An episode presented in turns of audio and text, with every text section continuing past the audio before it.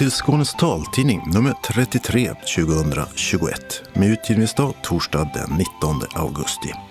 Solen gick upp 5.47 i morse och går ner igen klockan 20.33.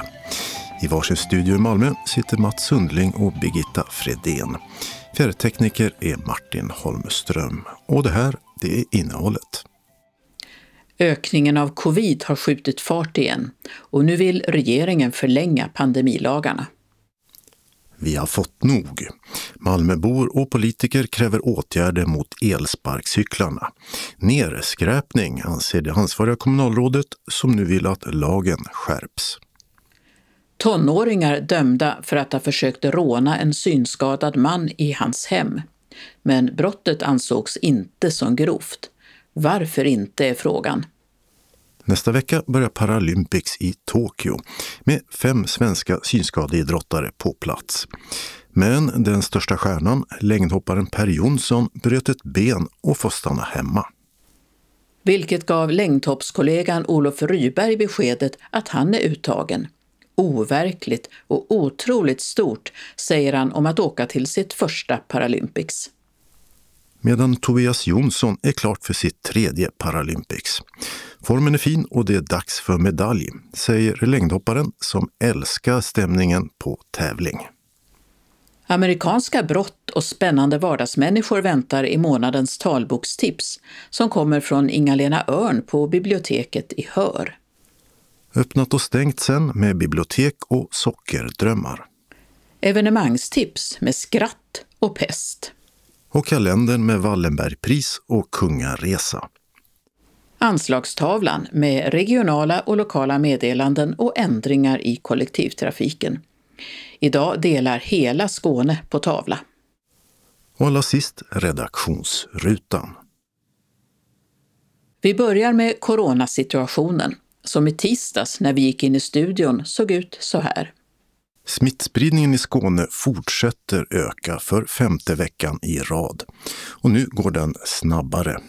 Den senaste veckan har 621 nya fall rapporterats. Och det är en ökning med nästan en tredjedel jämfört med för två veckor sedan. Ökningen är i hela Skåne och allra störst i Malmö, rapporterade Smittskydd Skåne i tisdags. Och nu har den så kallade delta-varianten av coronaviruset tagit över nästan helt. Flest nya fall hittar man i åldersgruppen 5 till 39-åringar. Den som också är minst vaccinerad. 15 personer var i tisdags inlagda på skånska sjukhus med covid. Det är fem fler än en vecka tidigare. I torsdags föreslog regeringen att de tillfälliga lagarna för att förhindra smittspridning förlängs.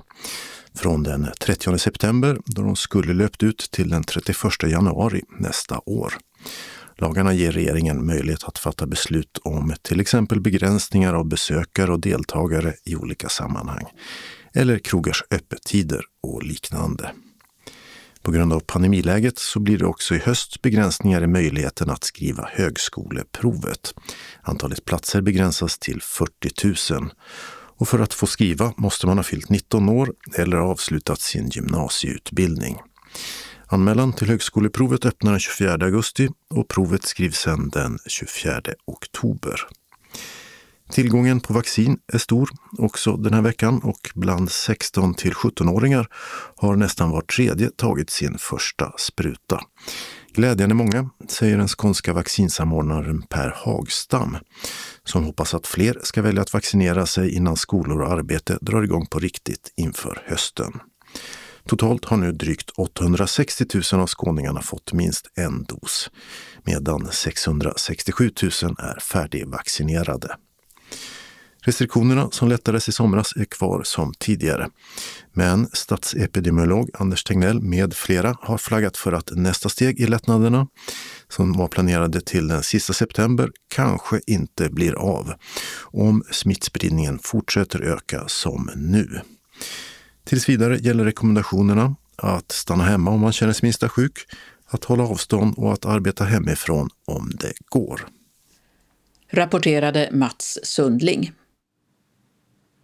I Landskrona blev en äldre synskadad kvinna häromdagen påkörd av en elsparkcykel. Och även i Malmö har synskadade råkat illa ut. Där är det sedan i somras mycket gott om elsparkcyklar som buskörs och slängs överallt. Och allt fler har fått nog av sparkcyklarnas framfart. Över 900 personer har skrivit under ett Malmöinitiativ. Ett förslag från Malmöbor till kommunen om att hyrda elsparkcyklar bara ska få parkera i särskilda ställ. Samtidigt kräver kommunalrådet Andreas Schönström och riksdagsledamoten Joakim Sandell från Socialdemokraterna hårdare tag mot elsparkcyklarna. Andreas Schönström har fått nog nu. Först och främst så kräver vi att vi ska förbjuda all eh, parkering av elsparkcyklarna förutom då på avsedda stationer eller parkeringsplatser. Och det är därför att det är närmast att beteckna som nedskräpning av staden av elsparkcyklar just nu. De står överallt, de är kastade i diken, de eh, fiskas upp ur våra kanaler, de eh, står slängda på trottoarer och på över cykelbanor och liknande. Så förbjud all fri parkering, bara parkering på särskilda stationer. Men dessutom vill vi då eh, förbjuda körning i eh, delar av staden där mycket människor rör sig på gågator, i parker eller nere på stränderna. Det är många som vittnar om att det är en ganska hänsynslös framfart ibland bland fotgängare där man faktiskt inte får cykla och man får inte heller köra en elsparkcykel där. Så det är väl de två viktigaste åtgärderna som vi kräver att man ska göra.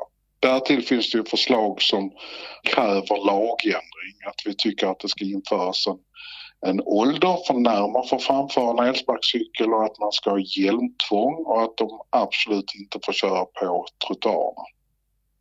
Det här med eh, att eh, man inte får köra på vissa ställen och att man eh, ska ställa på vissa platser, det kan väl kommunen besluta om?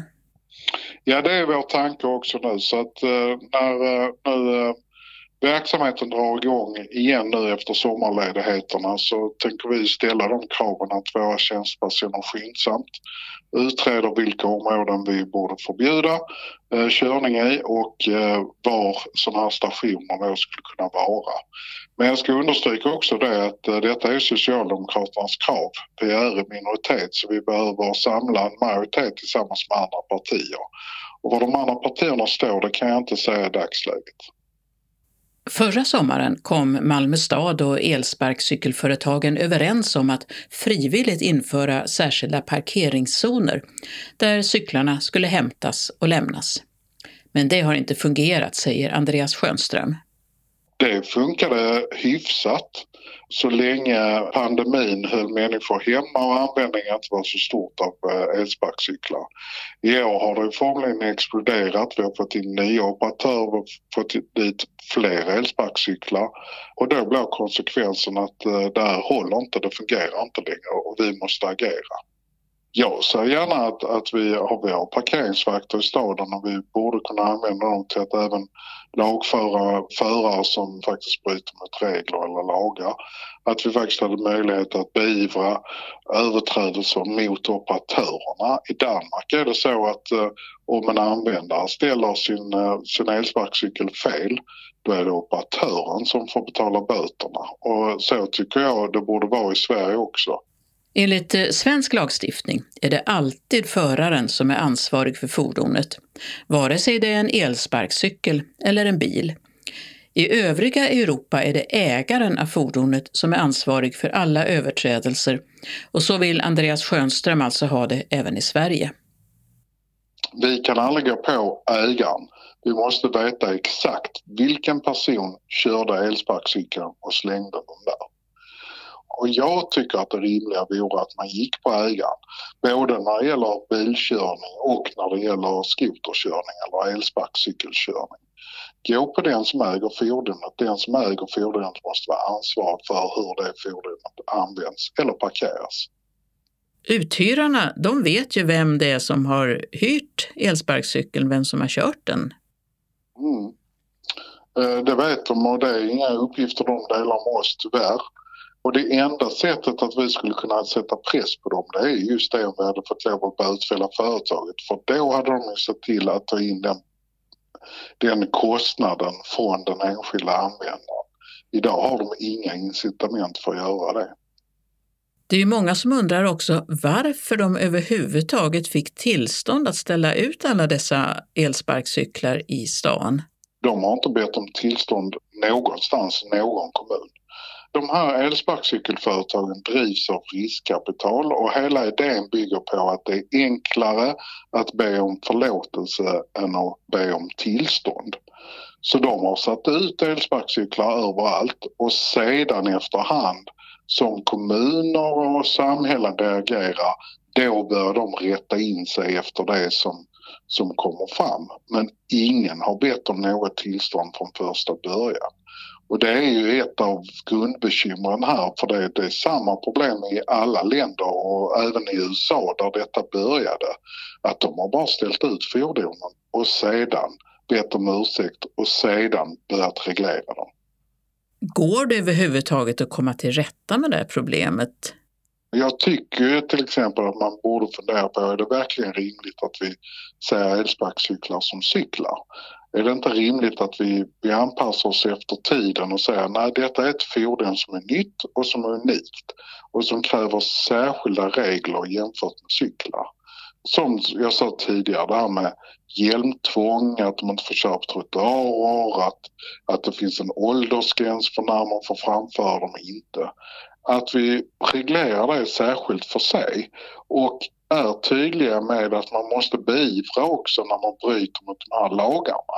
Att polisen eller, eller kommunens parkeringsvakt eller någon annan får möjlighet att stoppa förarna av dessa och säga nu har du brutit mot den här regeln, här är böterna.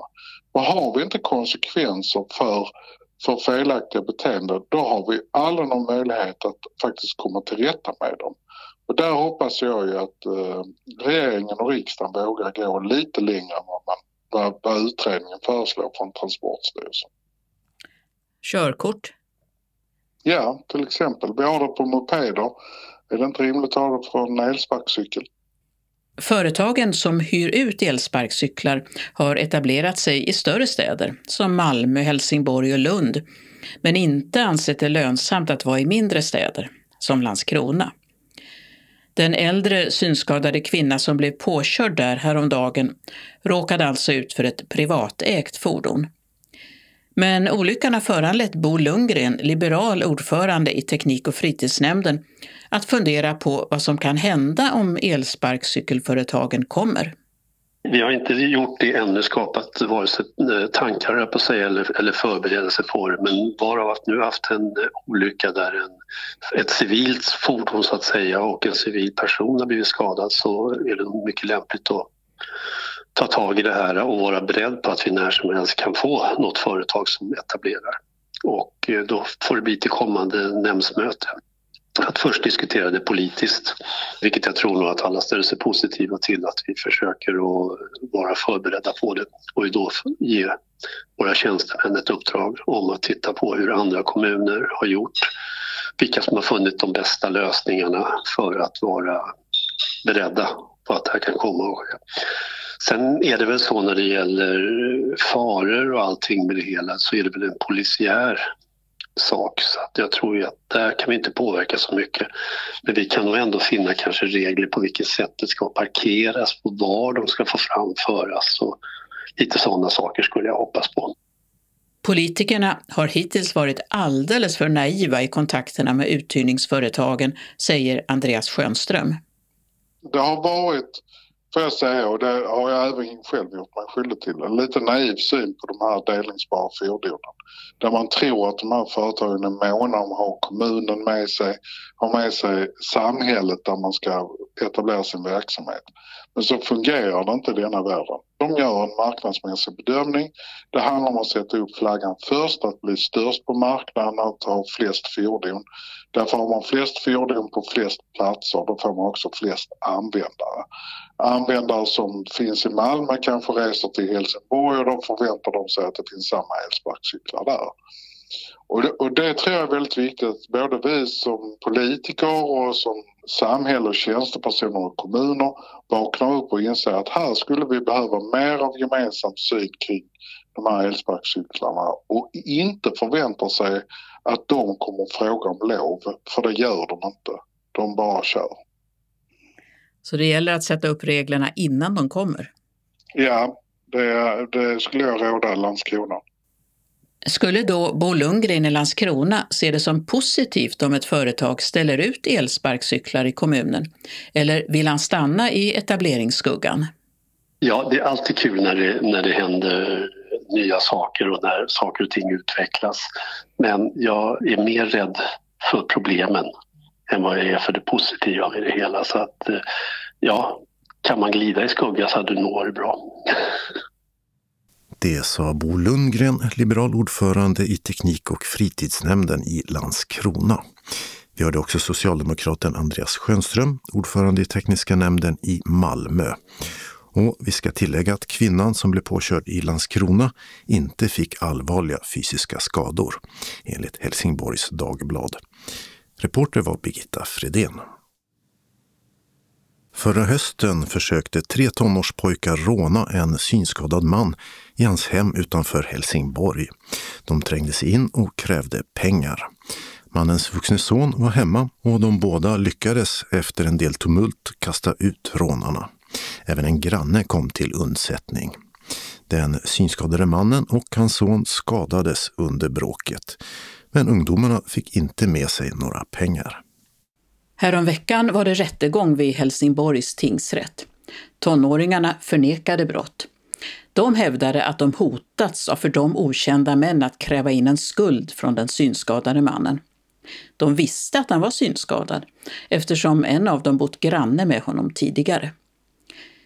Åklagaren yrkade på att tonåringarna skulle dömas för försök till grovt rån, säger kammaråklagare Magnus Larsson vid åklagarkammaren i Helsingborg. På grund av att eh, målsäganden, då den utsatta, var synskadad och gärningsmännen visste om det sedan innan så var vår uppfattning att eh, gärningsmännen hade visat synnerlig råhet eller i vart fall på ett hänsynslöst sätt utnyttjat en rånares skyddslösa ställning eller utsatta ställning kan man säga också. Så det, det var det rekvisitet vi lutade oss mot som vi tyckte skulle göra att det, det bedömdes som grovt.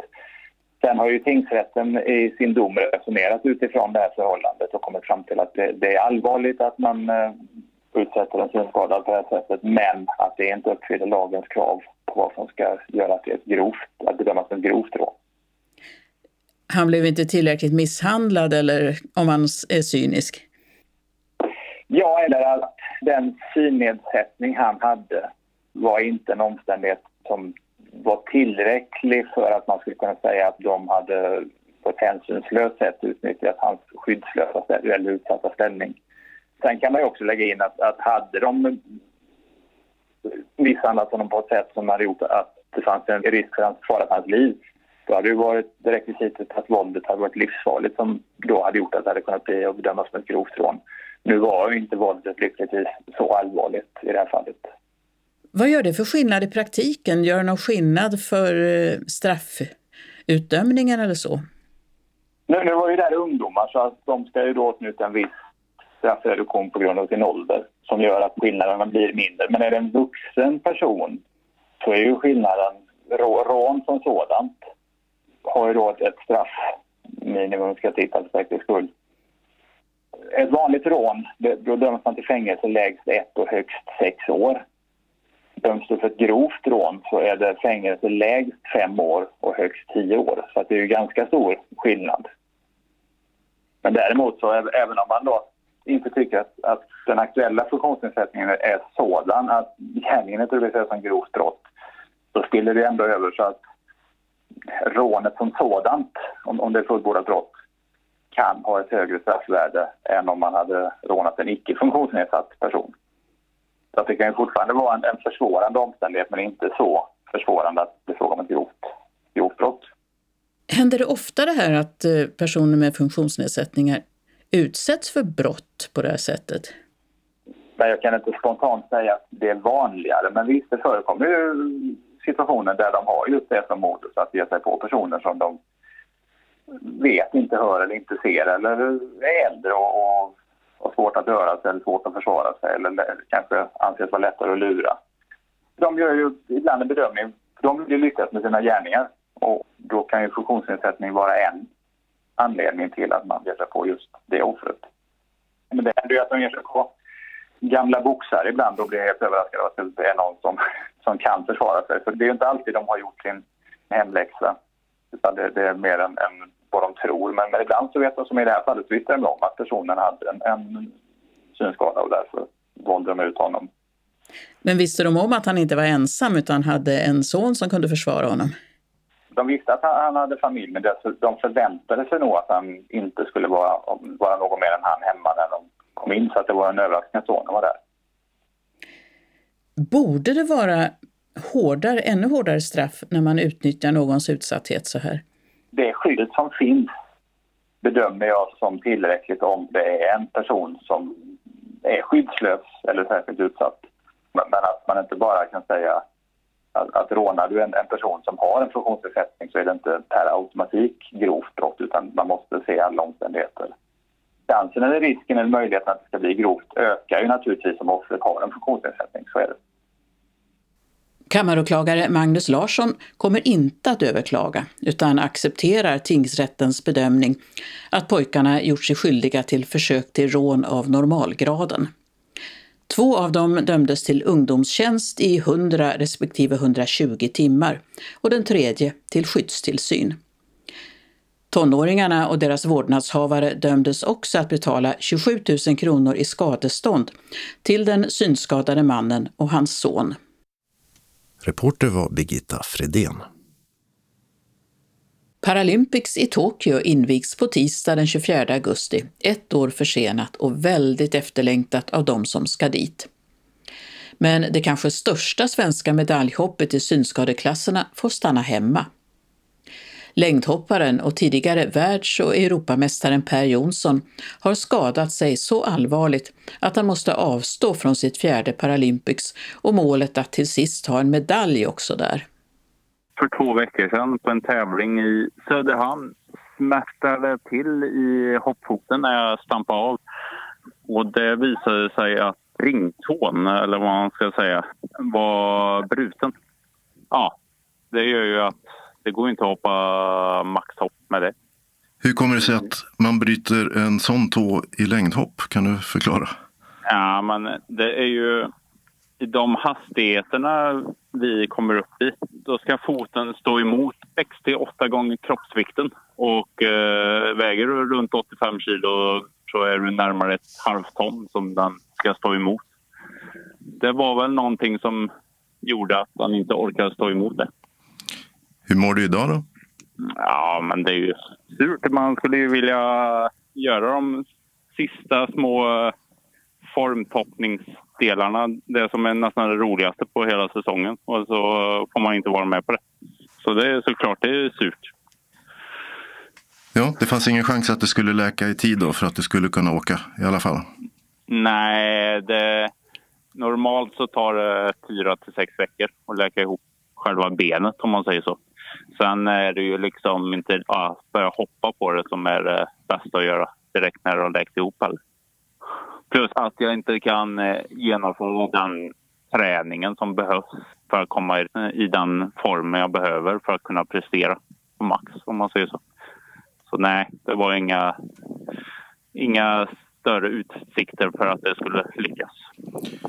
Ja, hur surt är det här? Några veckor innan Paralympics som du har då tränat och förberett dig för under fem jo, år. Men det är ju, det är ju jättesurt. Eh, jag, jag skulle åka till Japan för att försöka ta hem den eh, enda internationella medaljen som saknas i prisskåpet, om man säger så. Eh, och eh, ja, det, jag och Paralympics har väl inte haft någon eh, kombo eh, tidigare heller. Jag har inte haft någon riktig ren resa någon gång inför eh, Paralympics. Så det, det här var väl eh, det mest, ja, droppen om man säger så, för att ha oflyt. Ja, du har ju vunnit VM och EM och liknande tidigare. Var det här sista chansen? Det skulle jag nog tro. Jag är ju, jag är 33 nu. Om tre år, ja, 36, det gör ju inte saken lättare om man säger så. Och sen, ja, jag vet inte. Jag har sagt att jag skulle köra fram till Tokyo och sen skulle jag ta en riktig funderare om, om det är värt att fortsätta eller om det är andra viktiga saker i livet som hägrar, om man säger så. Mm. Hur tänker du idag? Just nu så tänker jag ingenting. Eh, jag måste smälta det här först eh, innan jag tar ett sånt beslut. Plus att måste ju för det första ha resten av familjen med sig eh, på en sån här resa. De får ju offra en otroligt massa också, om man säger så. Och de måste tycka det är lika mycket värt att uh, ja, göra den uppoffringen. Så nej, just nu kan jag inte säga någonting. Du är ute med barnen i Bollnäs, berättade du innan. Går du på kryckor nu eller? Ja, precis. Jag hoppar runt. För jag ska ju avlasta foten så mycket som möjligt. Mm. Så på kryckor och sen får du följa Paralympics på tv och radio och via medier då istället? Ja, precis. Får uh, överföra min uh, extra kraft till uh, brorsan så att han uh, lyckas ta hem medaljen istället. Det sa Per Jonsson, som alltså missar Paralympics i Tokyo och får följa spelen hemifrån Bollnäs. Han intervjuades av Mats Sundling. Och hans längdhoppande bror Tobias Jonsson ska vi strax höra. Men först den 21-årige Olof Ryberg från Göteborg som med kort varsel fick veta att han trots allt får åka till Tokyo och tävla i längdhopp. Ja, trots allt är ju verkligen eh, ordet och det är det känns tämligen overkligt fortfarande trots att jag ändå fick beskedet för Ja, det blev ju officiellt nu i veckan men jag fick veta för ungefär två veckor sedan och det känns fortfarande overkligt. Eh, det är otroligt, otroligt stort och jag är fantastiskt glad för att få den här chansen. Samtidigt så åker jag ju på bekostnad av att Per Jonsson har skadat sig och det är ju givetvis otroligt eh, synd och tragiskt för Per har verkligen kämpat och förtjänar den här platsen. Jag skulle säga mer än någon annan. Eh, samtidigt så, jag är, för min egna skull är jag väldigt, väldigt glad. Mm. Du har satsat på att komma till Paralympics i Tokyo i flera år vet vi. Minnesgoda lyssnare och läsare kommer kanske ihåg dig som en goalballspelare som var med i VM i Malmö 2018. Du har dubblerat både friidrott och goalball och satsat på bägge samtidigt. Men nu kommer du dit i längdhoppet och T12-klassen. Eh, hur bra form är du i nu? Jag är i eh, talande stund i precis den formen jag ska vara i. Eh, kroppen håller på att återhämta sig från en lite tyngre träningsperiod. Så eh, när det är dags att hoppa den eh, 30 augusti så eh, kommer kroppen ha fått perfekt med eh, vila från den här lite tyngre perioden. Så jag kommer vara lätt och spänstig när det gäller. Så formen är precis där den ska vara. Mm. I början av juni var det ju EM, den första tävlingen på ja, jättelänge i friidrotten i Polen.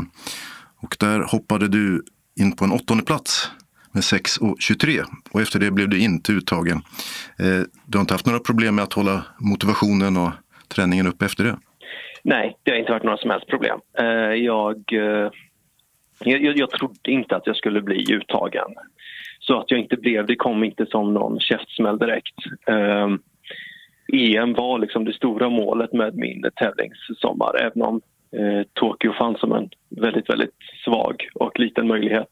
Eh, så efter det, det var bara att fortsätta som, eh, som planerat och eh, ja, att det nu blir av det, ja, det är rätt sjukt. Mm. Du hoppar i samma klass som Tobias Jonsson, eh, T12. Han kom in på bronsplats där då 6.40. Eh, det där har du toppat i någon mindre tävling nyligen och satt ett nytt personligt rekord. Ja, på eh, 6.42. Och det är synd att man inte kan tajma så att man hoppar långt när det gäller som mest. Men det är väldigt skönt att veta att, att längderna finns där ändå. Och ja, jag menar att om jag kan hoppa 6.42 på en liten arena ute i Lerum så uh, borde det kunna bli om inte medalj så i alla fall 6.50 på en eh, uh, OS-stadion. Jag vet att jag egentligen inte har någonting med medaljstriden att göra. Uh, mitt mål är att åka dit och persa och göra en så bra tävling som möjligt. Men för medaljer så kommer det definitivt krävas upp, upp mot 7 meter. Och dit räcker kanske inte din kapacitet idag då? Inte idag, men eh, det kommer ett Paralympics om tre år igen och det är det som är det stora målet.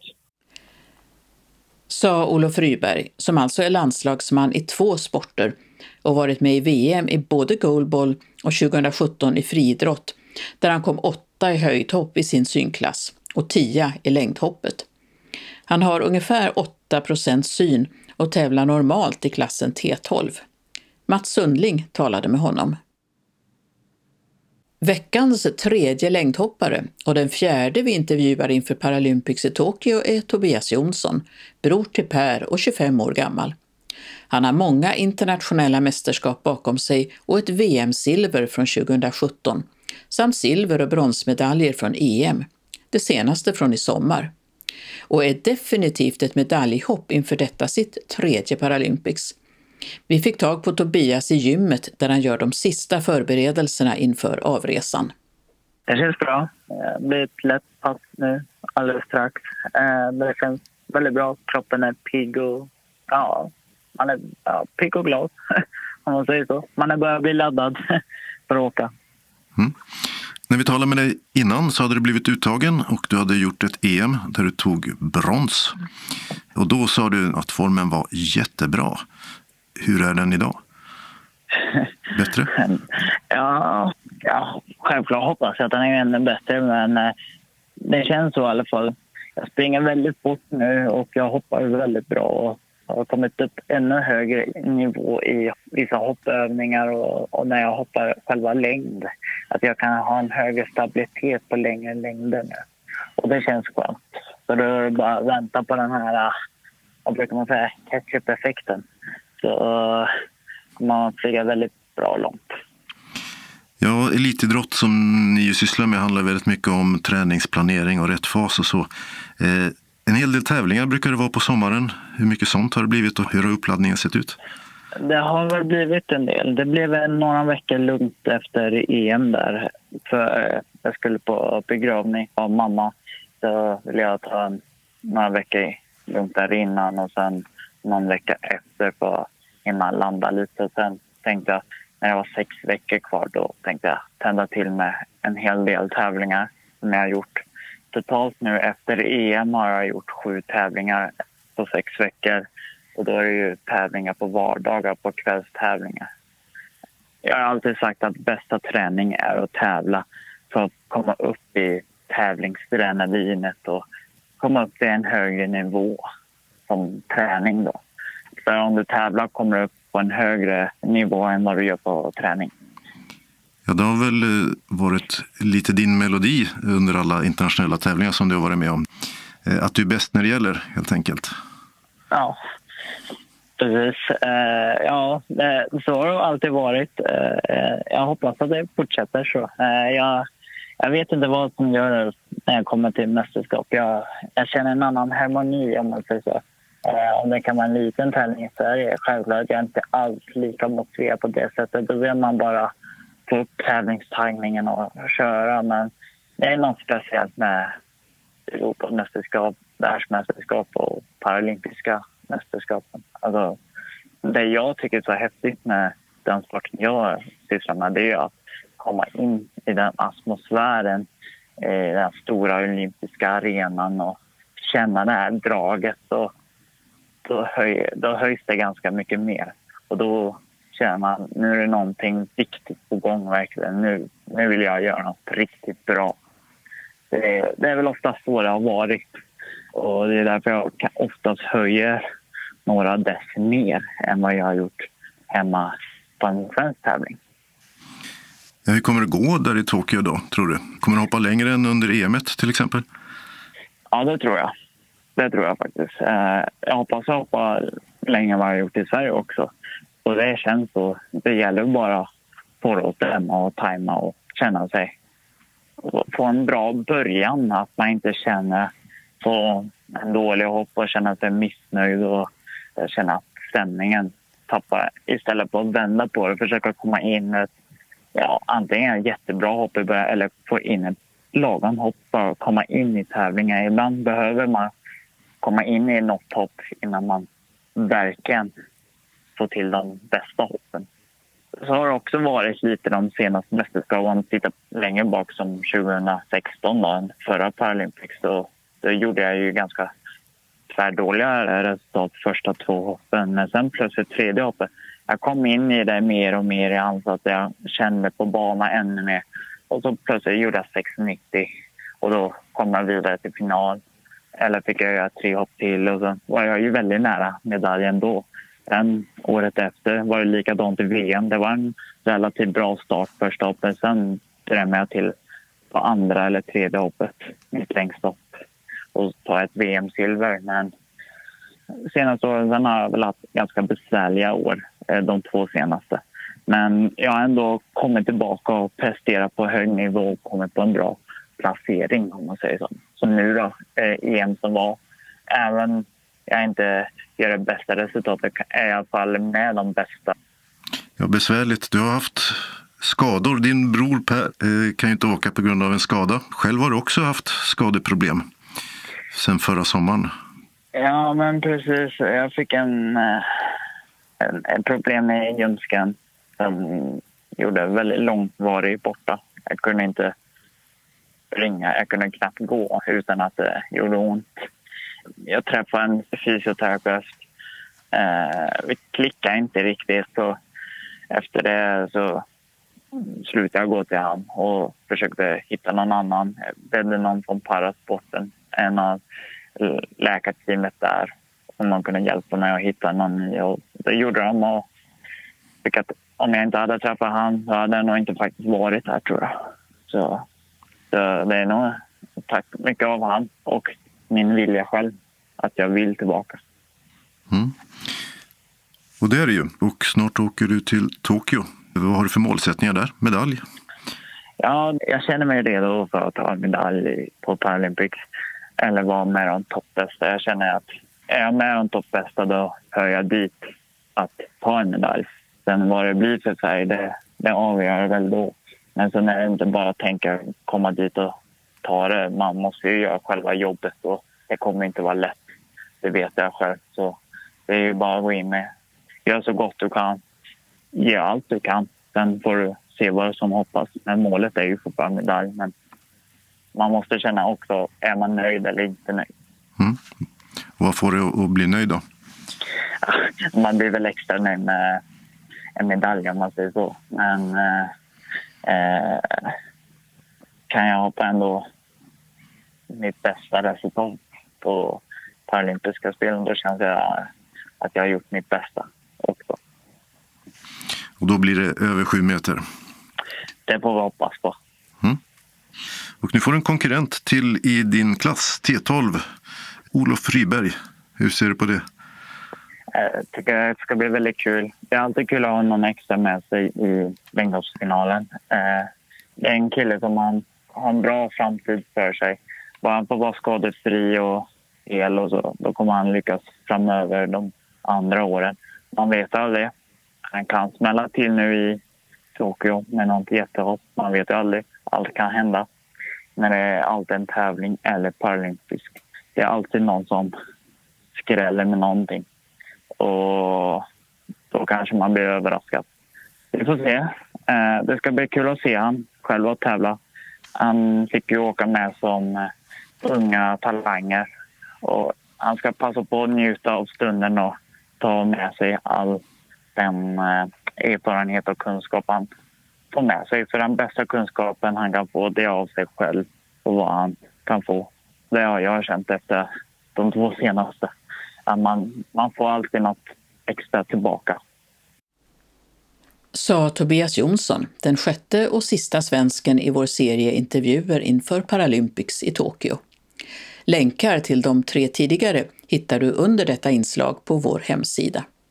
På tisdag invigs alltså spelen och redan den 26 är det dags för den första av svenskarna att tävla då tandemcyklisten Louise Jannering gör sin första tävling. Mer om när svenskarna tävlar och hur SVT sänder från Paralympics hör du i evenemangstipsen lite längre fram i tidningen. Reporter var Mats Sundling. Vardagsmänniskor skildrades så det blir spännande och givande att läsa. Och följderna av klimatpåverkan återberättades så att läsaren orkar ta till sig vad som sker. Där har vi några teman ur augusti månads talbokstips som sammanställts av Inga-Lena Örn på biblioteket i Hör. Men hon börjar med en spänningsroman, nämligen Michael Connelly på Dödligt spår. Det är en talbok med text och det är Åke Lindgren som är inläsare och den är på 11 timmar och 40 minuter. Alltså, jag har inte läst på länge, jag har inte haft någon lust att läsa. Men så såg jag att Cornelia hade kommit ut med en ny thriller. Så såg jag att det var en Jack McAvoy-deckare och de kan jag inte motstå. Och det här är den tredje fristående boken i den här serien som börjar med Poeten 1998 och sen kommer Fågelskrämman 2010. Där är lång tid emellan dem. Jack McAvoy han är journalist och eh, Cornelia har lyckats strålande med att visa ett mordfall från en annan sida än det som normalt sett är deckare. Det är en kvinna som har hittats mördad och Jack blir misstänkt för han har haft en sån här enkvälls eh, nattupplevelse med henne för något år sedan. Och eh, polisen har väldigt, väldigt lite att komma med så att eh, han blir misstänkt helt enkelt. Och så lämnar han frivilligt ett DNA-prov för han vet ju att han har inte haft med det här att göra överhuvudtaget. Men han kan inte släppa det här ändå. Även om han inte kände henne så tycker han att det är förfärligt att det har hänt ju. Och så börjar han att nysta lite i det. Och det visar sig att hon har lämnat in en sån här eh, DNA-prov till ett släktforskningsbolag som man numera gör. Och av någon anledning så upptäcker han att det är ytterligare en kvinna som har dött som har lämnat DNA-prov till det här släktforskningsföretaget. Och det blir snabbt otroligt mycket spännande. Plötsligt hade jag läst en hel bok. Så det här är en bladvändare och den är svår att släppa. Så jag rekommenderar den. Och då ska vi inte prata om de föregående böckerna i den här serien. Läs dem också. Poeten finns som talbok inläst av Sören Johansson, 19 timmar 28 minuter och den är så bra. Och Fågelskrämman finns som talbok och den är, ser man på inläst av Dodo Parikas. 11 timmar och 44 minuter. Absolut bladvändartips det här. Och det blir lite spänning till men inte lika gastkramande. Jag vet inte om ni på tv har sett eh, en sån här talkshow som har gått på SVT med en eh, programledare som heter Graham Norton. Han är jättekänd i England och han har gjort den här talkshowen i många, många, många, många år. Och han, eh, han har alltid velat skriva en bok och det här är hans första bok. Han har skrivit fler men det här är än så länge den enda som är översatt till svenska. Den heter Släppa taget och det är en talbok med text. Och det är David Zetterstad som har läst in den och den är på 8 timmar och 23 minuter. Graham Norton är irländare och det är han väldigt noga med att påpeka. Så det här det utspelar sig i en liten lugn by på irländska landsbygden och där ska byggas nya bostäder. Och grävmaskinerna jobbar ute på en äng som tidigare brukats som åkermark. Och byggarbetarna gräver upp vad som ser ut som ett människoskelett och byns lite långsamma och sävliga polis får ta tag i fallet. Det här är en helt oblodig historia, men styrkan ligger verkligen i ett mycket intressant persongalleri och en jättefin miljöbeskrivning. Alltså, det är så roligt att gå omkring i den här lilla irländska byn och stöta på de här alldeles vanliga människorna som egentligen finns runt, runt om oss överallt. De nyfikna och de sura och de alltid glada och de som dricker för mycket och, och de som, ja, helt vanliga människor. Och det blir faktiskt aldrig tråkigt det här. Små vardagliga bekymmer och hemligheter nystas upp. Och så blir det också väldigt tydligt vilka livslånga lidanden som en liten hemlighet kan förorsaka människor. Mycket trevlig bok, oblodig deckare. Mer vardag fast på ett helt annat sätt. Ja, vi kör på vanliga vardagsmänniskor. Den här boken eh, hittade jag på nyhetshyllan. Det är en grön bok med gul text och så ligger där en kvinna i en aprikosfärgad klänning på en soffa och hon ligger i en sån här plågsam båge liksom. På boken så står det för dig som gillar Gail Honeyman och Sally Rooney och det gör jag. Så jag tänkte den här boken får jag ju läsa. Den heter Sorgen, lyckan, livet av Meg Mason och den här lämnade jag omedelbart ett inläsningsförslag på och den kommer läsas in så att den är under produktion. Och den handlar om Martha som fyller 40 år och hennes man Patrick. Han har ordnat en fest för henne som hon absolut inte vill ha. Men eftersom han är en väldigt trevlig make så tycker hon ju kanske att hon ändå måste gå på den fast hon egentligen inte vill. Hon är oengagerad på den här festen, ointresserad och faktiskt rätt ohövlig mot folk. Och faktum är att när Patrick lämnar henne efter tre dagar efter den här festen så förstår man honom fullständigt. Och här kunde ju då romanen bara fortsatt i den här vanliga fåran om lämnade kvinnor eller män och, och så här. Men det är inte en sån bok. För det handlar förvisso mycket om kärlek och vänskap och försoning. Men det handlar väldigt mycket om psykisk ohälsa och sjukvårdens brister i att hantera just psykisk ohälsa. Och inte bara sjukvården utan alla oss andra som också har svårt för det. Det är en rolig och smart sorgsen och förlåtande bok som jag inte kan släppa heller utan sträckläser den i skuggan när jag kommer hem från jobbet. Och när jag lägger ifrån mig boken så har jag faktiskt en känsla av att jag kanske vet lite bättre hur människan är funtad. Hon har skrivit det så bra och försöker beskriva det här mörkret som faller över Martha ibland. Och det går så snabbt. Och så har hon en period när hon sitter under ett bord och inte kan gå ut. Och i övrigt är hon otroligt välfungerande i flera år. Och sen kommer det här igen. Ja, riktigt, riktigt bra. Och nu ska vi till Island, men till skillnad från många andra böcker som har tipsats om från Island så är det här inte en deckare och en Nordic noir. Nej, väldigt långt ifrån faktiskt. Det här är en bok av André Snär Magnusson och den heter Om tiden och vattnet. Det är en talbok med text samt punktskrift. Inläsare är Örjan Blix och den är på 9 timmar och 13 minuter. Och Andri Magnusson, han är författare, klimatdebattör och politiker. Han höll faktiskt på att bli Islands president för några år sedan. Han försöker i alla fall att få oss att förstå vad vi håller på att gå miste om i den här klimatkatastrofen som faktiskt ligger framför oss om vi inte gör någonting. Och att tiden är väsentlig i allt det här. Alltså att tiden är väsentlig i allting vi gör. Och att vi hela tiden skapar framtiden i hur vi tänker och vad vi gör. Och det här med klimatkatastrofen, det hör vi ju hela tiden på tv och radio och ser vad konsekvenserna blir. Och så kunde vi ju se hur nyhetskanalerna fylldes med de här översvämningarna i Tyskland där förfärlig massa människor har dött. André han försöker sätta saker i perspektiv som gör det möjligt att ta till sig på något sätt. Och han berättar bland annat om Island och dess fantastiska historia. Om eh, sina morföräldrar som upplevde makalösa äventyr i sin ungdom. Det är jätteroligt att läsa om det här. Och eh, om att han faktiskt har fått hålla den här konungsbok med Edda-dikterna i handen när han jobbade en sommar på arkivet där det finns i Reykjavik. Det är Islands nationalskatt kan man säga.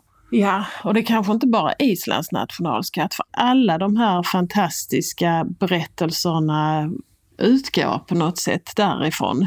Inte minst eh, Tolkiens hela Sagan om ringen och eh, Wagners Nibelungring och allt det här vilar ju på Edda-dikterna. Han berättar också om att vandra i en ravin innan den vattenfylldes inför ett eh, kraftverksbygge. Och om göklarna som snart är ett minne blott. De kommer att försvinna. Och han berättar också om vattnet, det vi faktiskt måste ha för att leva.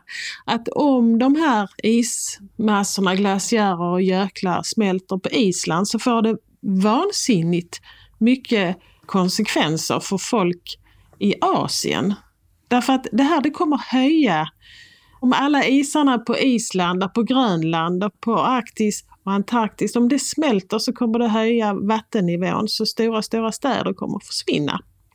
Han berättar inte det här på ett sånt här domedagssätt, utan han berättar det så att det blir lätt att ta till sig.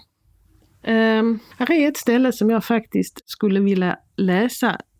Vid en klimatkonferens i München så träffade han en av de ledande klimatforskarna i Tyskland. Och han försökte förklara den här annalkande katastrofen. Och då sa han citat, föreställ dig en läkare som inte vill tala om för patienten att hen har cancer i ett tidigt stadium. Att hen genast måste sluta upp med att röka, förändra sitt liv, till och med ställa in allt annat i ett till två år för att överleva och genomgå operationer, strålbehandling och rehabilitering. Föreställ dig att din doktorn inte uppriktigt vill tala om vad som skulle kunna hända av rädsla för att skrämma personen och istället rekommenderar ekologisk tobak och myntate. Det är vad som har hänt.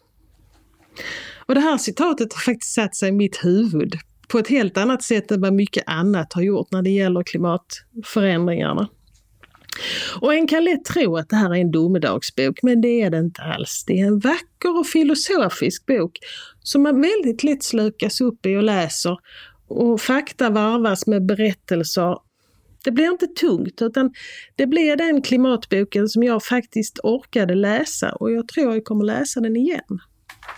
Här kommer en novellsamling om vilken jag har läst mig till att en recensent tyckte att det var väl snålt att bara göra ett urval.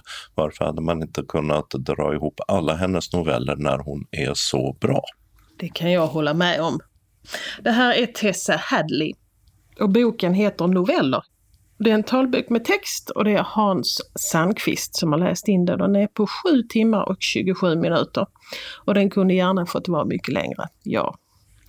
Alla gillar inte noveller och det vet jag. Men jag försöker hela tiden att få folk att läsa noveller för att liksom inse det fantastiska med att man har en hel roman i en liten novell. Jag tyckte inte heller om noveller förr i tiden men nu, numera gör jag det och läser väldigt gärna noveller. Och så tänker man ofta på dem sådär väldigt länge efter man har läst dem. De är ofta väldigt tankeväckande på ett annat sätt än vad en roman är. Och det är väl för att man själv får fortsätta liksom. Tessa Hadley hon har ju skrivit eh, ett par romaner som har varit väldigt omtyckta och lästa av många. Hon skriver väldigt väl med små medel och om vanliga människor helt enkelt. Och novellerna är absolut inget undantag. De är välskrivna med bra driv, intressanta historier i det lilla formatet. Hon skriver inte den här typen av noveller där det liksom kommer en vändning på slutet. Som till exempel Hjalmar Söderberg gjorde till en verklig grej när han skrev noveller. Utan det här är helt enkelt små historier.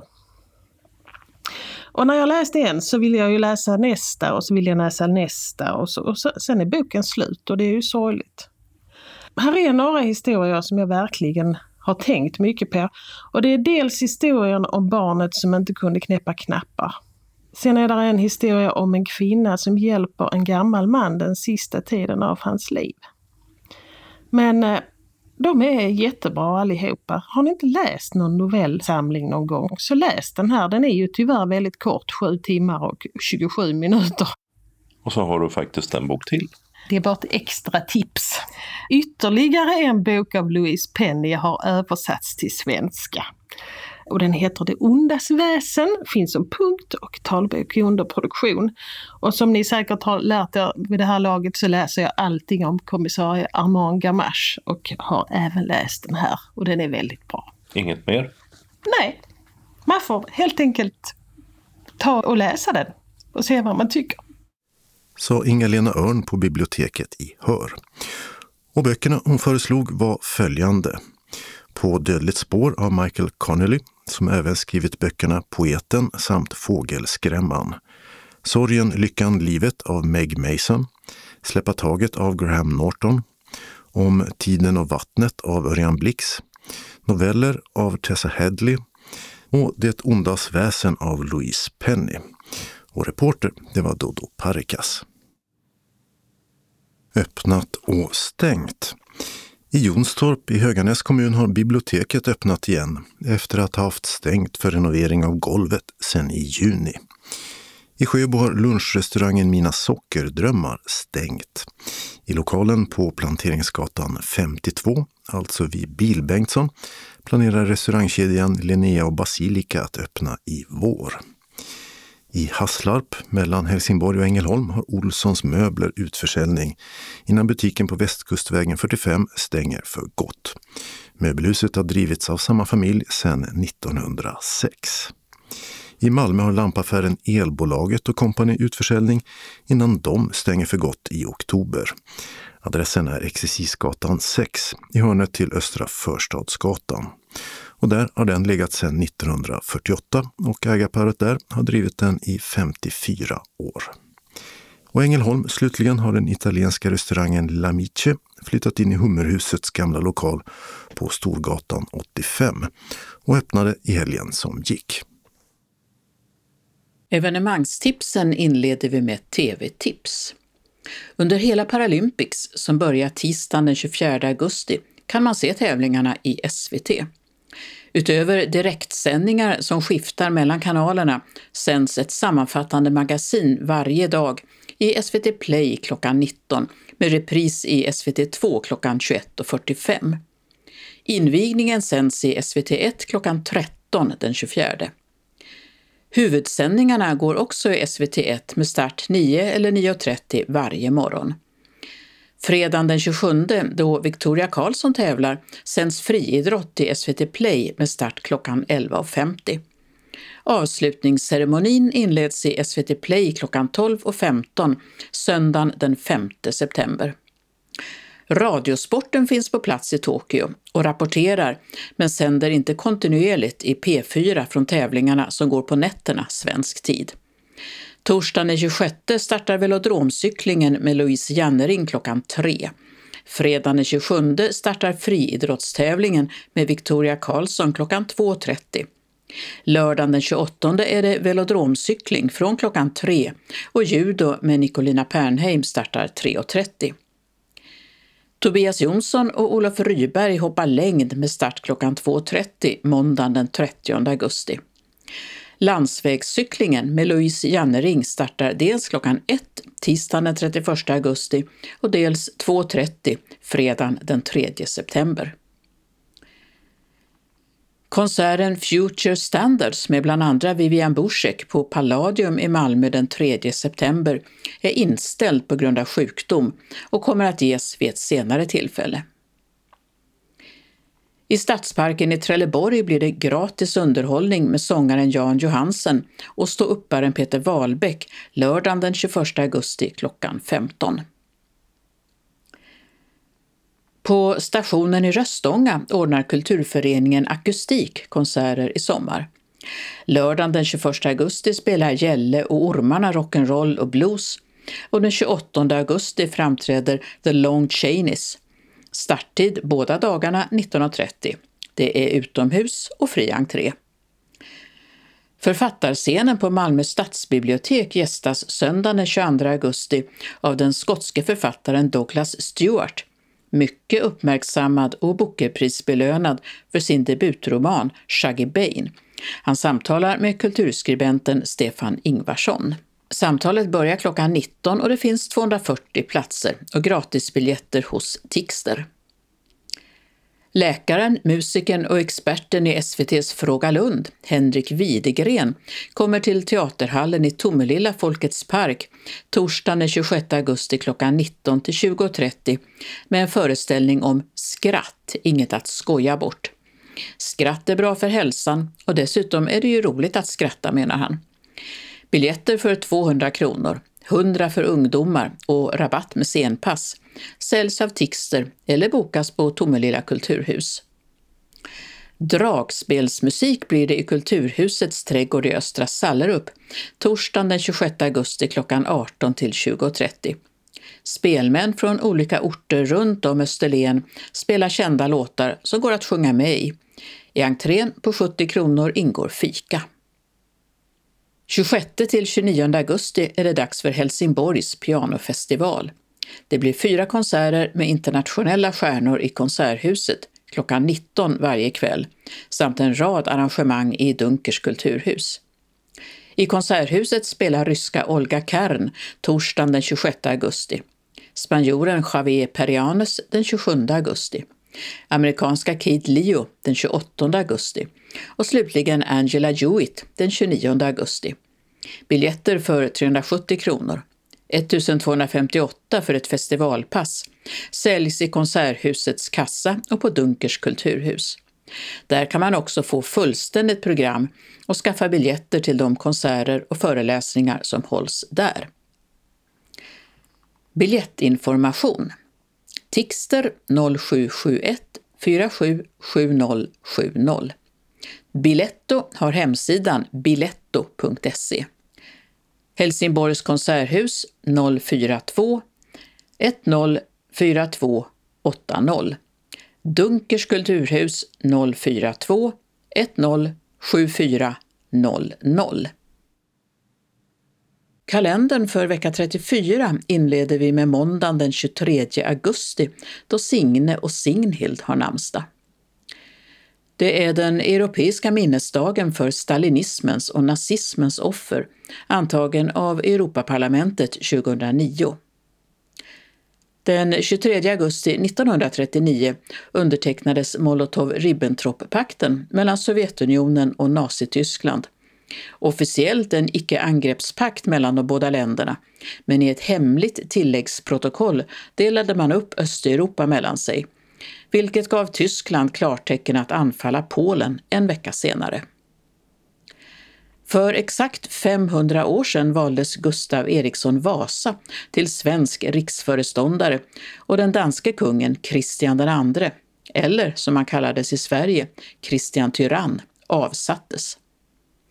FN har utsett dagen till den internationella dagen till minne av slaveriet och dess avskaffande. Tisdagen den 24 augusti inleds Paralympics i Tokyo och håller på till den 5 september. Fem synskadade atleter tävlar i de svenska färgerna. SVT sänder, men utan syntolkning.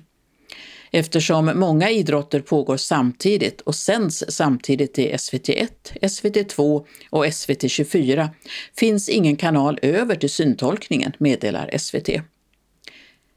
Kungafamiljen återupptar sina resor till Sveriges samtliga län för att visa deltagande med de som drabbats av covid-19-epidemin och för att uppmärksamma lokala insatser.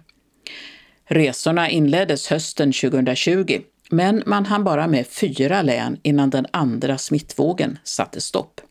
Men denna dag ska kungaparet besöka Västernorrland. Bartolomeus har namnsdag. Onsdagen den 25 augusti firar Lovisa och Louise namnsdag. Kronprinsessparet, Victoria och Daniel, fortsätter covid-19-resan till Västra Götaland. Torsdagen den 26 augusti är alla hundars dag och polisens dag. Polishundar kan alltså uppmärksammas dubbelt. Louise Jannering tävlar i velodromcykling i Paralympics. Östen har namnsdag. Fredagen den 27 augusti firar vi Rolf och Raoul. Raoul Wallenberg-priset delas ut till någon som arbetar i Raoul Wallenbergs anda, främst genom kunskapshöjande insatser för barn och ungdomar om främlingsfientlighet, intolerans och alla människors lika värde. Pristagaren får 100 000 kronor och en miniatyr av den bronsportfölj som skapats av Båstadkonstnärerna Ulla och Gustav Kreitz och som är en del av minnesmärkena över Wallenberg i New York och Stockholm. För 30 år sedan erkände Sverige och EU de baltiska staterna som förklarat sig självständiga från Sovjetunionen en vecka tidigare. Jazzmusikern och skådespelaren Anders Linder fyller 80 år. I Paralympics i Tokyo ska Victoria Karlsson tävla i längdhopp. Lördagen den 28 augusti har Fatima och Leila namnsdag. Nicolina Pernheim judo och Louise Jannering velodromcykel tävlar i Paralympics i Tokyo.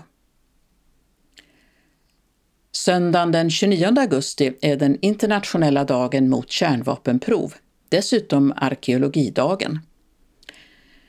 Den amerikanska längdhopparen Bob Beamon fyller 75 år.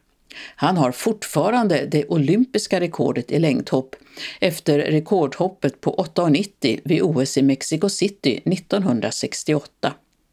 Inte förrän 1991 hoppade någon längre då Mike Powell nådde 8,95. Hans och Hampus har namnsdag. Anslagstavlans regionala del börjar med ett meddelande från Skånes taltidningskansli. Och det är att komma ihåg att meddela oss om du ändrar adress. För vi får inga automatiska meddelanden från till exempel folkbokföringen. Om du inte hör av dig till oss så får du ingen CD-tidning när eftersändningen upphört. Skånes taltidnings kansli och Andreas Vidén har telefonnummer 040-673 0973. Eller så e-postar du till Skanes taltidning skane.se. SRF Skåne bjuder in till en dag i Kurt Wallanders fotspår i Ystad. Söndag den 5 september klockan 12 till cirka klockan 16. Ankomst innan klockan 12 till Hotell Continental på Hamngatan 13 i Ystad. Hemresa klockan 16 från Fridolfs konditori på Lingsgatan 3. Programmet. På hotellet serveras lunch och kaffe. Klockan 13.45 finns brandbilarna på plats. Klockan 14 börjar en guidad rundtur med dem i Wallanders Ystad. Cirka klockan 15 stiger vi av i konditoriet för eftermiddagskaffe och en Kurt Wallander-bakelse innan hemresan. Till lunch går det att välja mellan kött, fisk eller vegetariskt alternativ. Exakt vad är ännu inte bestämt. Säg till vad du önskar vid anmälan och även om du behöver särskild kost. Till Fridolfs är det två ganska höga trappsteg upp med en ledstång att hållas i. Vi hjälps naturligtvis åt och gör så gott vi kan. Samma sak gäller att komma in och ur brandbilarna. Uppgiv anmälan om du behöver ledsagare. Ledarhundar kan ej medtagas. Du bokar själv din färdtjänst till och från de angivna adresserna. Åker du till och från Ystad med tåg och önskar bli hämtad och lämnad på stationen, anmäl även detta direkt. Kostnaden är 200 kronor per person för medlemmar. I annat fall den faktiska kostnaden. Barn mellan 0 och 6 år går gratis, mellan 7 och 12 halv kostnad. Antalet deltagare är begränsat till 20 personer. Anmälan sker till telefonen 040-777 75 eller e-post till srfskane srfskane.se. Första anmälningsdag är fredag den 20 augusti och sista tisdag den 31 augusti klockan 12. Du kan betala in din anmälningsavgift till Bankgiro 484-0989 eller med Swish på nummer 123 312 62 99. Vill du ha en inbetalningsavi så säg till när du anmäler dig. Vi skickar bekräftelse och deltagarförteckning och står för reskostnaderna efter att kvitton inkommit, senast tre månader efter genomförd aktivitet. Men bara inom Skåne. Bor du utanför så betalar SRF Skåne endast för kostnaden från länsgränsen. Varmt välkomna hälsar arbetsgruppen för kultur och fritid. Den lokala delen av anslagstavlan är idag gemensam för hela Skåne. Och den börjar med att SRF Lundabygden bjuder in till en kolonivandring med kafferep den 30 augusti. Conny tar med oss på en liten rundvandring i det närliggande koloniområdet Västra Sommarstaden. Efter en härlig promenad slår vi oss ner i omgivningarna och njuter av en kopp kaffe och en kaka. Vi samlas klockan 13.30 vid Västra Sommarstadens koloniområde med adress Maskinvägen 6. Och vi beräknas vara klara vid klockan 15.30. Din anmälan behöver vi ha senast den 26 augusti och din avgift blir som vanligt 20 kronor. SRF Lunnabygden bjuder sedan in till den populära studiecirkeln Vardagstips. Vardagstips är en studiecirkel där du får bra och användbara tips i din vardag av vår cirkelledare Simon Tienso. Men där även finns möjlighet för trevliga diskussioner och där cirkeldeltagarna får möjlighet att ge tips och utbyta erfarenheter. Vi samlas onsdagar klockan 13.30 till 15.30 i vår föreningslokal på Tordensvägen 4i i Lund. Anmäler dig gör du till vårt kansli på telefon 046-211 06 74. Vi behöver ha din anmälan senast den 1 september och studiecirkeln startar den 8 september. SRF Malmö Svedala hälsar först välkomna till sin dagverksamhet. Måndag den 23 augusti klockan 13-15 blir det tidningsläsning och eller frågesport. Och tisdag den 24 augusti 13 till 15 blir det bingo. Vi serverar kaffe och smörgås eller kaka till en kostnad av 10 kronor. Vi vill att alla anmäler sig till kansliet som har telefonen 040-25 05 40 eller mejla till info srfmalmo.se om man tänker komma på någon av dagaktiviteterna. Senast klockan 10 samma dag. Och känner man sig sjuk så stannar man hemma. SRF Malmö Svedala bjuder sedan in till en resa till Helsingör.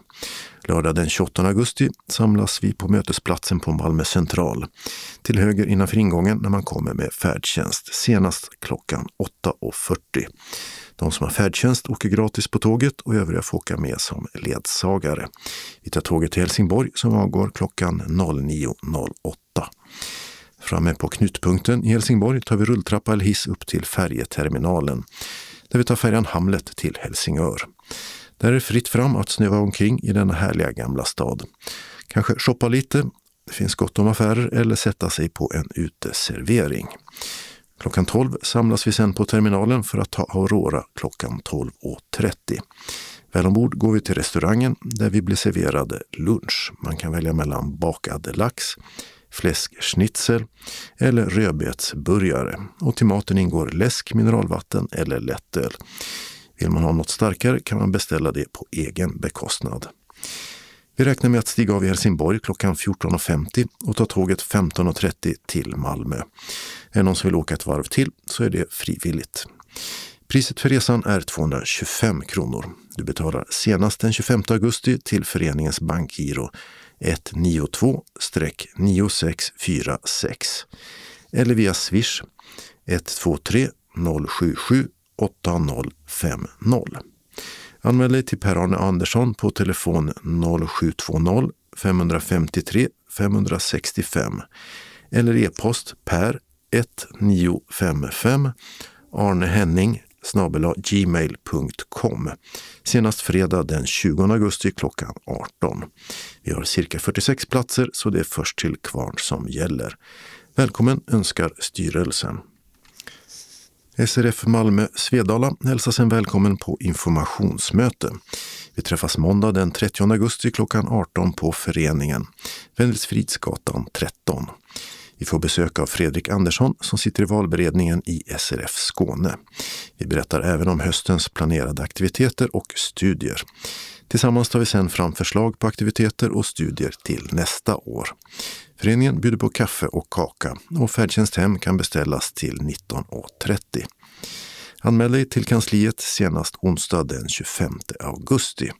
Välkommen hälsar styrelsen.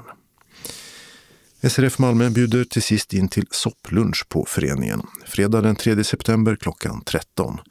Vi bjuder på champinjonsoppa, avslutar med kaffe och en liten kaka. Är du medlem får du allt det här för 30 kronor, ej medlemmar betalar 50. Färdtjänsthem kan beställas till klockan 14.45. Vill du vara med så anmäl dig till kansliet senast måndag den 30 augusti. Varmt välkomna hälsar styrelsen. SRF Västra Skåne meddelar först att de startar onsdagsträffen igen. Den 25 augusti klockan 13 till 15.15 .15 i SRFs lokal på Vaktgatan 3 i Helsingborg. Äntligen kan vi börja med onsdagsträffar igen. Det blir bingo med Jörgen Laursen som utropare. Till fika blir det smörgås med räkor och ägg för att fira starten. Fikaavgiften är 30 kronor och bingobrickorna kostar 10 kronor styck.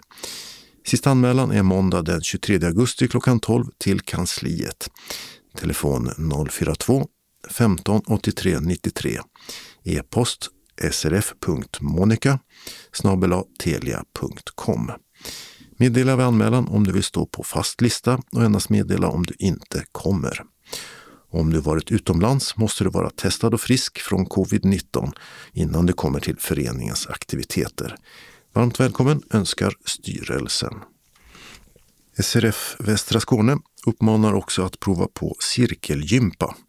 Måndag den 30 augusti klockan 14 till 15 i föreningens lokal. Mikael Gröned kommer då att visa cirkelgympan. Vi provar på rörelserna under 45 minuter. Om intresse finns blir det en fortsättning med 10 gånger under hösten. Kursavgiften blir då 250 kronor för 10 gånger. Anmäl dig till kansliet senast fredag den 27 augusti klockan 12. Tveka inte att prova något nytt.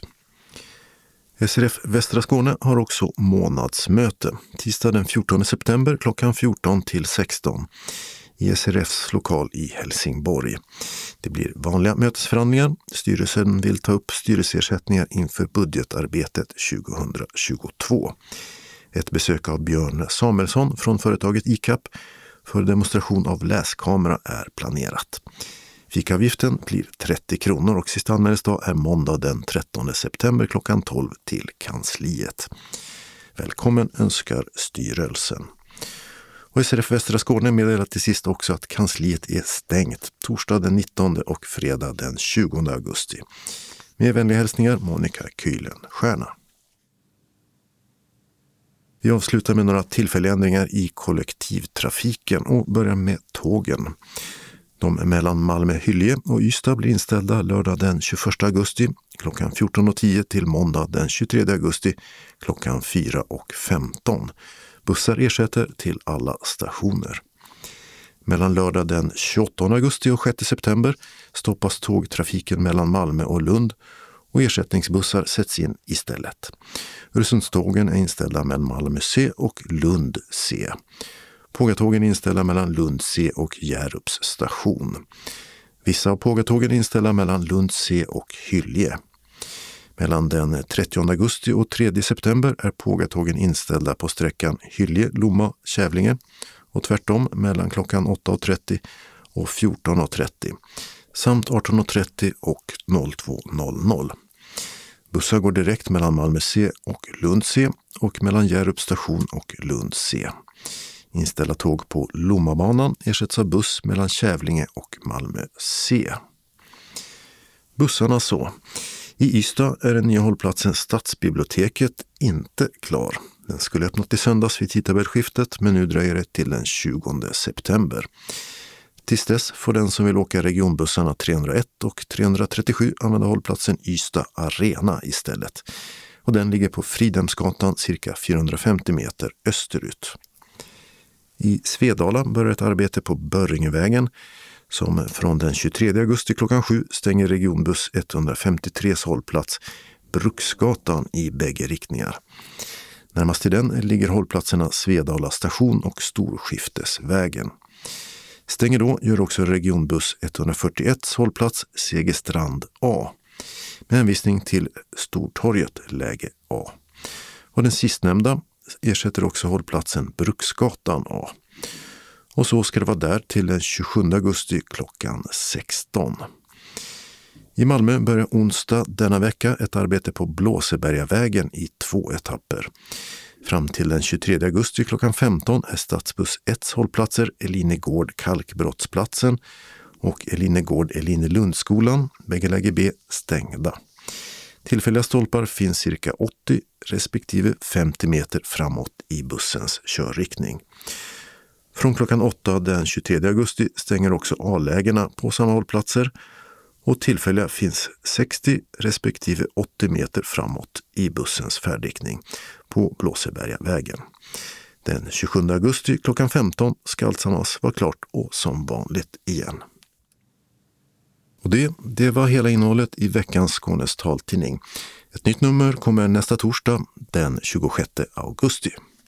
Skånes taltidning ges ut av Region Skånes psykiatri och habiliteringsförvaltning. Ansvarig utgivare är Martin Holmström. Postadress Jörgen Ankersgatan 12, 211 45 Malmö. Telefon 040-673 09 70. E-post Skanes taltidning snabela skane.se och hemsida skanestaltidning.se. Observera att CD-skivorna inte ska skickas tillbaka till oss. Såväl skivor som kuvert kan läggas i brännbara sopor när ni inte längre vill ha dem. Vi hörs igen. Hej då!